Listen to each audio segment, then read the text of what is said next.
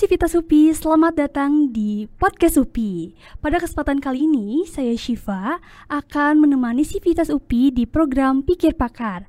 Pada kesempatan kali ini, saya ditemani oleh seseorang yang istimewa karena beliau meraih penghargaan yang dianugerahkan oleh pemerintah Prancis. Wah, siapa ya? Langsung saja kita kenalan yuk. Halo Madam Dini, apa kabar? Hai Syifa, baik alhamdulillah. Alhamdulillah, semoga sehat terus ya Madam. Amin, terima kasih. Iya. Uh, sebelum masuk ke topik pembahasan nih, uh, boleh dong Madam Dini perkenalan diri dulu karena pasti Sivitas UPI ingin mengetahui lebih mengenai Madam Dini. Ya, baik. Uh, nama lengkap saya Tri Indri Hardini. Uh, kalau mengajar, saya mengajar di program studi pendidikan bahasa Prancis FEBS UPI dan saat ini saya sedang diamanahi sebagai dekan di Fakultas Pendidikan Bahasa dan Sastra UPI. Oke, baik, Madam Dini. Uh, di tengah derasnya arus globalisasi dan juga pasar bebas seperti sekarang ini, penting bagi kita untuk menguasai bahasa asing. Nah, bahasa asing yang sering dipelajari di Indonesia, salah satunya adalah bahasa Prancis. Gak cuma itu, bahasa Indonesia juga sudah diajarkan di Prancis, betul, Madam? Betul, oh, betul iya. sekali. Ya. Nah, jadi pembahasan kita hari ini mengenai bagaimana pendidikan bahasa Prancis di Indonesia maupun bahasa Indonesia di Prancis. Kira-kira apa yang membuat Madam tertarik dengan bahasa Prancis uh, di antara bahasa lainnya? Kemudian uh, sejak kapan Madam uh, tertarik dengan bahasa Prancis? Uh, di SMA sendiri itu ada enam bahasa asing yang diajarkan. Yeah. Ya, ada selain bahasa Prancis ada bahasa Arab, bahasa Jepang, bahasa Mandarin, bahasa Korea Korea, lalu bahasa Jerman ya. Uh, nah, ba uh, termasuk bahasa Perancis.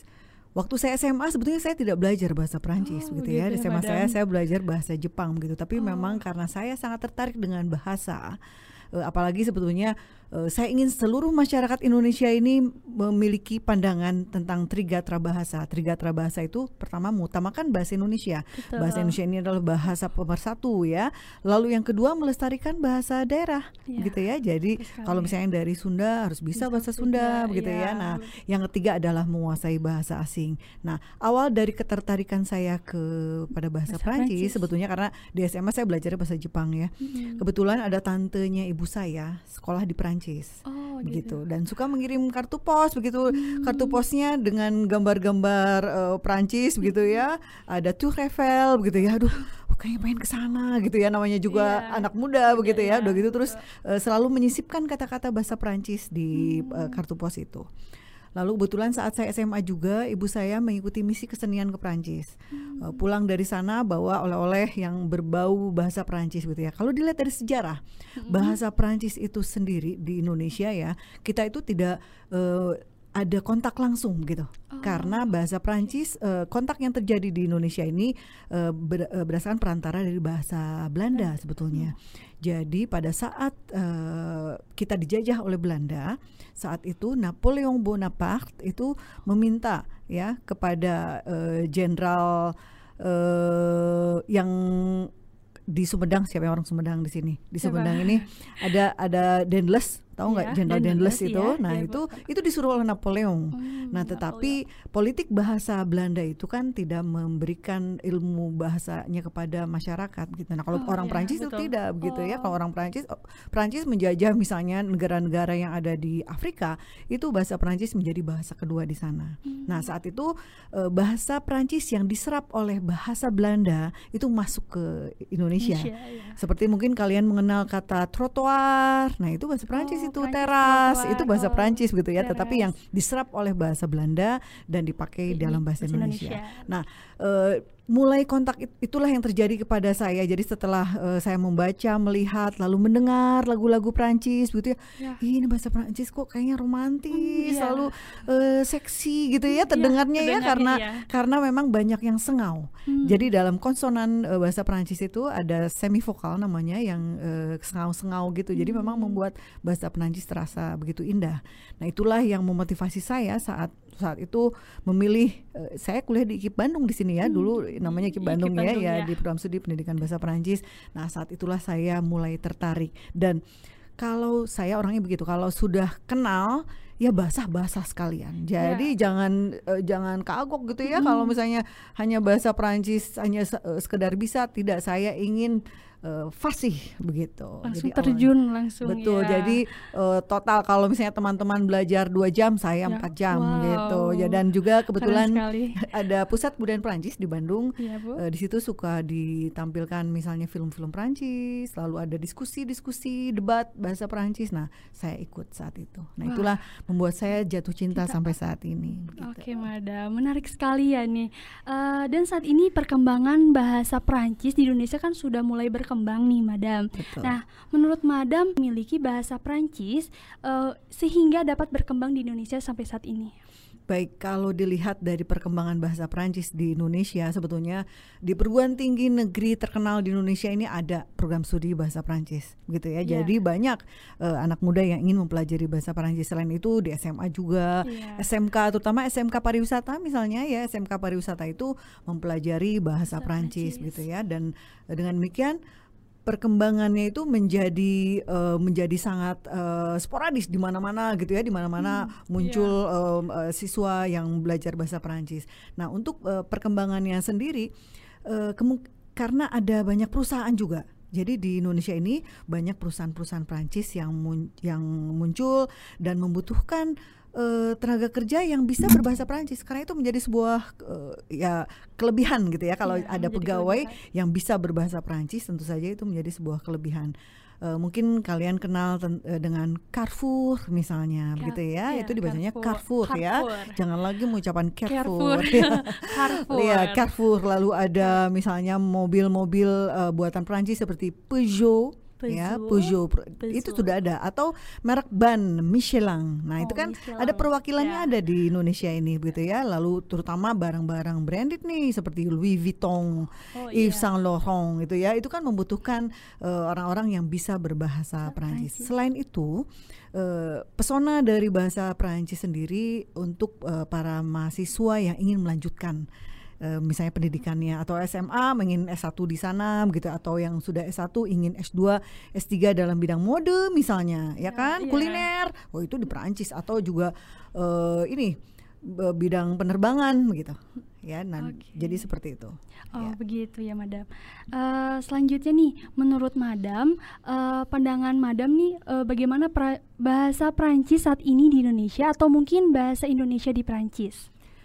Kalau bahasa Prancis di Indonesia, eh, pandangan dari saya dari sudut pandang saya Ya, tentu betul. saja sangat positif ya karena bahasa Prancis ini saat kita menguasai bahasa asing sebetulnya bahasa apa pun begitu ya tentu saja kita memiliki nilai lebih ya Ya, kita itu memiliki jadi ada nilai positif tambahan lah begitu ya karena eh, bahasa itu adalah eh, pintu dari segala ilmu gitu. Nah, bahas termasuk bahasa Prancis karena eh, filsuf-filsuf Prancis itu sangat terkenal ya seperti eh, Jean-Jacques Rousseau, Montesquieu misalnya begitu ya.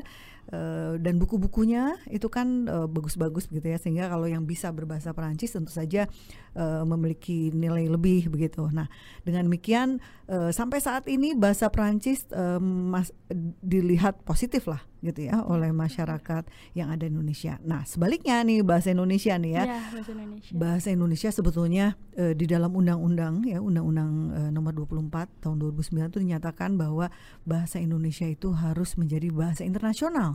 Ya, begitu betul, ya.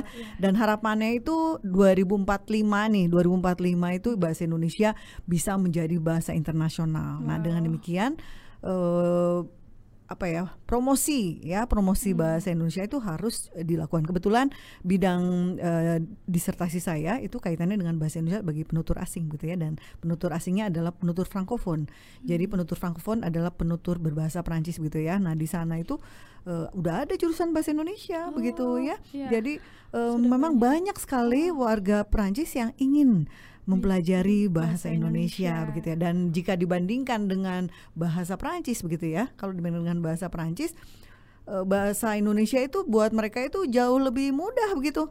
Ya jauh lebih mudah karena bahasa Prancis uh, kalau bahasa Prancis itu mengenal waktu uh, Iya, pas mengenal- ya, ya ya. ya gitu ya ada waktunya, Waktunya. belum lagi ada konjugasinya ada modenya wah pokoknya banyak nah kalau bahasa Indonesia kan tidak Ya, itu jauh tidak. lebih mudah dan eh, sebetulnya hanya satu sih kesulitan dari orang asing belajar bahasa Indonesia Eh, bahasa Indonesia yang sehari-hari itu berbeda dengan apa yang mereka pelajari kalau Iya, berbeda be- sekali. Iya betul kan eh, Kaku, misalnya lebih kaku. Iya betul itu Dan jadi kalau bahasa sehari-hari itu susah diaplikasiinnya ya Bu betul ya, betul Madam. itu jadi eh, rasanya kok berbeda ya dengan apa yang Hmm, dipelajari hmm, di sekali. eh, kelas begitu ya Iya. dan salah satu solusinya adalah mereka berkomunikasi Hmm. begitu ya dengan dengan dan eh, mahasiswa saya misalnya yang di sini suka menjadi eh, seperti tutor sebaya begitu ya untuk Hmm. untuk berkomunikasi karena FEBS sendiri kami menerima hampir setiap tahun ada sekitar 7 8 9 orang mahasiswa Prancis yang belajar bahasa Indonesia. Cuma karena kemarin pandemi saja 2019 eh, 19 masih ada. 2019 Oh, masih ada itu ya, masih eh, masih ada ya 2020 Oh, eh, sudah ada iya. yang datang tapi eh, cepat kembali karena pandemi 2021 sekarang terhenti masih ada tetapi daring gitu ya Oh, ada satu daring, iya. mahasiswa yang eh, daring dan insya Allah 2022 akan hadir ke sini mudah-mudahan pandemi segera berlalu ya Iya, sehingga amin, mereka amin. bisa eh, berkuliah di UPI Di UPI lagi. iya betul Oke. Nah, eh, setelah melihat perkembangan bahasa Prancis di Indonesia saat ini kan semakin berkembang ya, Madam. Mhm. Nah, menurut Madam, eh, bagaimana nih minat masyarakat Indonesia dalam mempelajari bahasa Prancis? sampai sejauh ini alhamdulillah eh, banyak eh, jadi dimulai dari anak-anak SMA bahkan SMP sekarang sudah ada yang pelajari bahasa Oh, ada, gitu ya iya. Eh, jadi bahasa Prancis itu diajarkan selain di lembaga resmi ya misalnya di sekolah begitu ya Hmm. juga di tempat kursus itu kalau tempat kursus apalagi gitu anak-anak kecil juga banyak begitu ya kemungkinan besar karena mengikuti orang tuanya misalnya sekolah, sekolah di, di Prancis Prancis, oh, nah iya. kalau anak-anak SMA ya itu karena eh, ketertarikannya kepada bahasa Prancis yang dinilai sebagai bahasa yang yang romantis begitu ya Iya. Eh, sehingga itu menarik minat mereka apalagi di eh, perguruan tinggi tentu saja ya di UPI Iya. sendiri alhamdulillah peminat bahasa Prancis Banyak. tet- ya eh, makin bertambah Makin begitu bertambah. Oke. Eh, sebelumnya saya ingin mengucapkan selamat nih kepada Madam karena baru-baru ini Madam eh, dianugerahi gelar Chevalier dari Perdana Menteri Prancis. Eh, sebuah prestasi yang membanggakan dan patut eh, diapresiasi nih. Mungkin masih ada Civitas UPI yang belum tahu tentang penghargaan ini. Eh, mungkin Madam bisa dijelaskan apa itu penghargaan Chevalier des Ordres de Palme Academics. Ya, pengucapan begini Aku salah. chevalier Chevalier Chu- su kayak shin bahasa Oh, Arab itu ya su- chevalier Chevalier de chevalier de, de- dans l'ordre de des palmes académiques de Palma Iya. Academic. Iya. Chevalier itu artinya Iya. kesatria. Ya, kesatria.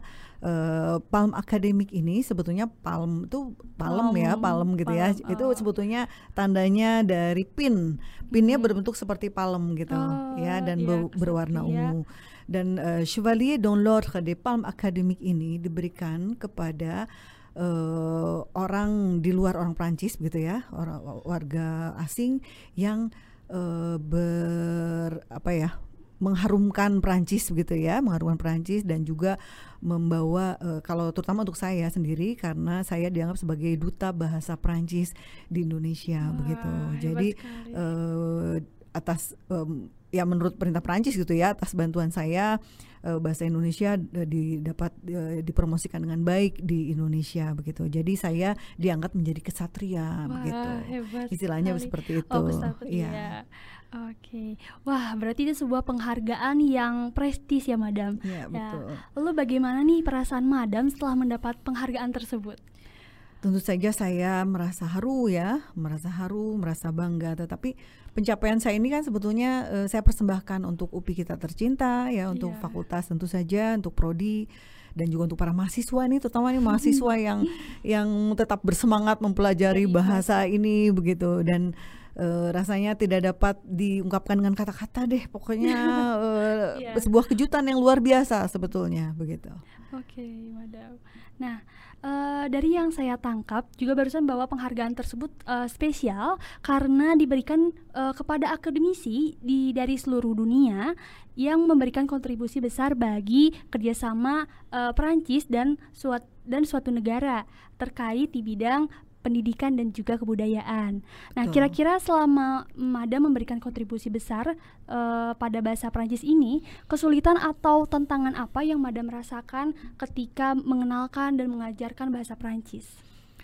Baik, uh, sebelumnya saya sendiri uh, ini sebuah kejutan luar biasa karena kalau misalnya gelar uh, gelar akademik ya misalnya profesor gitu itu saya berusaha betul kan ya yeah. dengan dengan membuat banyak karya tulis dan lain-lain lah untuk mengumpulkan kumulatif begitu. Nah ini itu tidak jadi hmm. ini dicalonkan oleh orang lain gitu ya jadi yeah. saya tidak tahu apa-apa tiba-tiba saya dapat aja begitu. Oh dapat langsung penghargaan. Iya gitu. begitu dan memang ini berarti di uh, apa yang saya lakukan selama ini dihargai yeah. oleh pemerintah Perancis begitu. Iya. Okay. Uh, Lalu tadi apa ya tadi pertanyaan yang uh, tadi? Tantangan. Oh iya kesulitan tantangan. Nah, Baik. Iya. Nah bahasa bayangkan bahasa Perancis ini kan bahasa yang sangat asing. Iya betul. Ya sangat asing, ya, di, asing. didengar, di, ya, ya didengar, di, dilafalkan, dilafalkan kan, ya. dan ini merupakan sebuah tantangan yang besar untuk uh, para mahasiswa, termasuk betul. saya sendiri waktu di awal ya. Jadi ya. waktu di awal saya belajar bahasa Perancis itu saya nol sekali. Oh. Oh, enggak sih enggak nol banget. saya tahu je t'aime gitu kan. je t'aime itu I love you-nya bahasa oh, Perancis. Oh, ya. pasti banyak banyak yang tahu seperti itu. Tapi cuma hanya beberapa kata saja uh, bahkan uh, uh, untuk kata-kata yang pengucapannya bisa jadi salah gitu ya. Nah, setelah saya mem uh, mempelajari bahasa Perancis, tantangannya adalah tentu saja karena ini jauh berbeda dengan bahasa Indonesia, ya harus serius. Ya, begitu ya karena banyaknya perbedaan, banyaknya yang yang uh, berbeda apalagi masalah konjugasi dan lain-lain itu membuat kita harus lebih serius. Jadi nggak bisa main-main lah belajar bahasa Prancis nggak boleh main-main gitu ya dan itu sebuah tantangan luar biasa. Oke, okay, iya. iya. Wah, berarti memang tidak mudah ya, Madam ya. Oh, kalau bilang tidak mudah juga nanti mahasiswa saya jadi.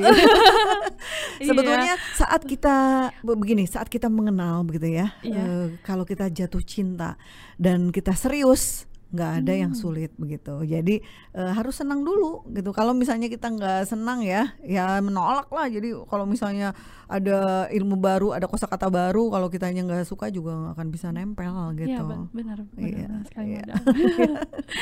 Oke, okay, uh, eh, selanjutnya Uh, aku jadi penasaran nih, Madam, gimana nih caranya Madam Dini untuk mengatasi kesulitan tersebut? Baik, nah untuk mengatasi kesulitan tersebut itu banyak cara ya, apalagi uh, anak muda sekarang itu sangat dimanja dengan hmm, teknologi betul. ya. Yeah. Zaman saya dulu, aduh, saya Beda kalau zaman. saya zaman, aduh ketahuan umur deh kalau gitu. Ya. jadi masih kaset yang seperti itu. Oh, jadi kalau sering diputar uh, tergores sudah tidak bisa bunyi kan begitu yeah. ya. Uh, waktu itu yang saya lakukan zaman saya dulu tuh saya sering datang ke perpustakaan. Saya banyak baca uh, banyak buku-buku komik Prancis seperti misalnya Asterix ya. Oh, Asterix itu itu sebetulnya uh, dari Belgia tapi berbahasa Prancis itu saya baca semua itu yang wow. seperti itu ya. Lalu juga misalnya yang Smurf itu itu yeah. ya uh, di Prancis itu di perpustakaan yang saya kunjungi itu semua komik yang ada di kita atau tang tang tang tang tang tang tintin itu oh, tin, itu bacanya tang tang oh, itu tang -tang. Ya. oh saya baru tahu gitu dibacanya dari tang tang gitu ya, iya tang tang ya nah itu tang tang itu kan dari Belgia juga oh, tetapi Belgia, berbahasa tapi, Prancis oh, nah yeah. uh, saat itu saya udah suka nih tintin gitu ya yeah, Uh, saya baca lihat versi Indonesianya hmm. dan saya lihat versi Prancisnya oh. gitu itu Berbeda. caranya oh, kalau ceritanya oh, sama, sama. Oh. tapi kan bahasanya beda beda dan itu menambah kosakata. Oh. Lalu juga banyak uh, banyak baca lah intinya mah banyak baca karena di perpustakaan itu juga ada uh, majalah L misalnya hmm. ya majalah L majal dan majalah-majalah uh, Pak Rimaj pokoknya yang oh. yang menambah kosakata begitu. Ada lagi trik yang lain lagu Itu Lagu. paling mudah itu. Jadi Di- kita dengarkan banyak lagu Prancis ya. Kalau kalau saya selalu bilang sama mahasiswa gini, Anda bangun tidur Ya. itu udah dicekokin dengan lagu Prancis begitu. Hmm. Jadi bangun tidur dengan lagu Prancis. Yes. Terus nanti kan jadi penasaran ya. Iya. Eh, dibaca setelah dibaca eh, ah, didengarkan didengarkan nanti nanti mau baca Iya. gimana sih teksnya nanti dihafalkan Iya. pengen tahu artinya apa kan begitu. Oke. Biasanya Madam ngedengerin lagu apa nih biasanya? Waduh kalau saya ditanya lagu gitu nanti lagunya jadul yang keluar. Gak apa-apa kan Sebetulnya rekomendasi nah, dari seperti Madam. ya seperti lagunya Anggun C Sasmi nih. Oh. Anggun itu kan orang Indonesia yang yang mengeluarkan album berbahasa Prancis. ya. Nah, itu ada lagu-lagu Anggun yang ada versi Indonesianya, ada versi Prancisnya. Versinya. Itu keren Oh. banget itu. Coba deh Madam Aduh, boleh jangan. Gak apa-apa. biar bisa dilihat sama Sivitas Upi nih Madam. Eh, Coba. jangan lagu Anggun atau ya. Oh, oh, boleh. Ada ada Celine Dion misalnya. Oh, Celine ya, Dion, Celine iya. Celine Dion itu orang Kanada. Oh, Celine orang Dion orang, Kanada. orang Kanada, Iya. tetapi lagu-lagunya eh, karena dia bilang gak ya dua dua, dua bahasawan ya, jadi dia bisa eh, berbahasa Inggris dengan Iya. fasih dan berbahasa Prancis dengan fasih juga begitu. Nah lagu-lagunya lagu apa tuh ya? Apa Ah, dong? Gak apa-apa biar Sivitas Upi biar tahu nih Madam tuh bahasa Prancisnya gimana gitu. Eh, atau ini deh ada ada lagu yang yang dalam bahasa Indonesia bahasa Inggrisnya ada Ya. dan ini ada versi bahasa Prancisnya Oh boleh boleh. Gak apa-apa mungkin mungkin pada tahu deh yang mendengarkan mungkin eh, pernah mendengar lagu ini jadi nyanyi nih Ya nggak apa-apa dong Madam. Pengen denger nih penasaran Madam nyanyi gimana. Eh, judul lagunya Comme d'habitude Oh. Comme d'habitude artinya eh, seperti biasa. ya, ini biasa. lagu ini suka saya kasih juga ke mahasiswa eh, karena dalam lagu ini itu ada konteks belajar eh, futur, futur simple. Futur simple itu future ya kalau bahasa Inggris begitu. Future. Jadi ada belajar présent eh, ya présent waktu sekarang dan juga futur. Nah itu eh, walaupun lagu jadul saya biarin aja mahasiswa harus denger ya soalnya Iya, apa-apa eh, dong, ilmunya begitu Iya, ya. Yang penting ilmunya. Iya. iya. Saya coba ya. Coba. Oke. Je me lève et je te bouscule. Tu ne te réveilles pas comme d'habitude. Sur toi, je remonte le drap. J'ai peur que tu aies froid comme d'habitude. Nah, kayak gitu lagunya. Wow, Itu keren. ceritanya eh, masih présent Oh, gitu ya. Nanti di bait-bait berikutnya itu menjadi futur. Nah nanti kalau saya saya juga apalagi dengan teknologi sekarang ya saat eh, saya mengajar eh, suka di CCP gitu Oh, lagu-lagu. dari nanti saya ya saya saya pendengarkan lagu lalu ada latihannya. Mereka Oh, melengkapi dengan liriknya. Oh. Dengar sekali oh itu seneng banget itu. iya rame. Eh, mahasiswa seneng kalau dikasih lagu-lagu kayak Lagu. gitu. Iya. Oh gitu, Madam. Oh, oh iya, Madam. Aku sih melihat Madam jadi kayak tertarik gitu untuk belajar bahasa asing nih, apalagi eh, aku ilmu komunikasi. Hmm. Betul. Iya, jadi tentang bahasa jadi pengen tuh nambah bahasa asing. Iya. Menurut Madam nih buat pemula seperti saya, gimana eh, caranya biar bisa eh, belajar bahasa eh, Perancis? Baik, Eh, kalau di saat kita mempelajari bahasa asing ya, yang pertama itu kita harus serius, itu ya Iya. kuncinya serius ya. Serius? Yang kedua berani, Oke. jangan takut salah, itu yang Hmm, penting. Iya, ya, kadang-kadang ini juga yang saya hadapi dengan ma- para mahasiswa biasanya apalagi saya dosennya mungkin ya takut salah gitu nanti Iya, nilainya iya. jelek apa kebetulan Iya. saya eh, pernah mengampu kebetulan sekarang saya banyak mengampunya mata, mata kuliah yang agak tinggi begitu ya waktu saya Iya, dulu betul. misalnya eh, untuk yang produksi oral produksi oral itu berbicara ya eh, suka malu-malu gitu Hmm, takut salah mungkin iya, ya, iya, Ya, saya selalu bilang jangan takut salah karena kalau takut salah ya akan bisa bisa, karena kan kita masih betul. belajar ya, Iya, nggak begitu. apa-apa. jadi harus berani gitu loh berani Iya. aja untuk untuk me- untuk meniru misalnya Hmm, ya diawali betul. dengan meniru Iya. nah kalau di tinggal kalau mau belajar datang deh ke FEBS nanti mahasiswa oke. Prancis akan membantu Siva untuk belajar bahasa Prancis ya. Betul, ya nanti saya akan berkunjung ke PBS. Iya, silakan Iya. dengan senang hati. ya. Oke, tidak terasa ya Madam saat ini kita sudah berada di penghujung diskusi. Nah, eh, Sivita Supi setelah banyak berdiskusi dengan Ibu Dini, kita jadi eh, lebih mendapatkan insight yang banyak dan juga eh, menjadikan motivasi ke depannya untuk mengembangkan dan melestarikan budaya khususnya bahasa. Nah, Uh, Sebelumnya uh, saya ingin mengucapkan terima kasih kepada Madam karena telah menyempatkan waktu untuk berbincang-bincang di episode Pikir Pakar kali ini. Ya, sama-sama. Iya, Siva, sehat iya, selalu ya. Iya, Madam. Oke, semoga sehat selalu ya Madam dan uh, lancar dalam melaksanakan tugas-tugasnya. Amin. Terima kasih banyak Siva. Iya. Sukses untuk Siva ya. Uh, oh ya Madam, permintaan nih sekali lagi Ya. uh, untuk mempromosikan uh, episode Pikir Pakar kali ini tapi dalam bahasa Prancis. Oh, Boleh? boleh, boleh. Iya. Eh, jadi saya memi- eh, apa meminta kepada uh, Civitas si- UPI ya, untuk, untuk terus menonton uh, episode Pikir Pakar gitu. Oke. Oke.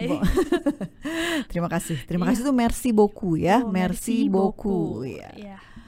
Bon, mes collègues de Universitas Pendidikan Indonesia, regardez toujours Pikir Pakar, c'est vraiment intéressant. Merci. Oke, Eh, terima kasih si Vita Supi karena telah mendengarkan episode Pikir Pakar kali ini. Eh, jangan lupa terus untuk dengerin episode Pikir Pakar selanjutnya karena akan semakin menarik. Saya Shiva, pamit undur diri. Sampai berjumpa lagi di episode Pikir Pakar selanjutnya. Pikir Pakar, diskusi asik bersama pakar.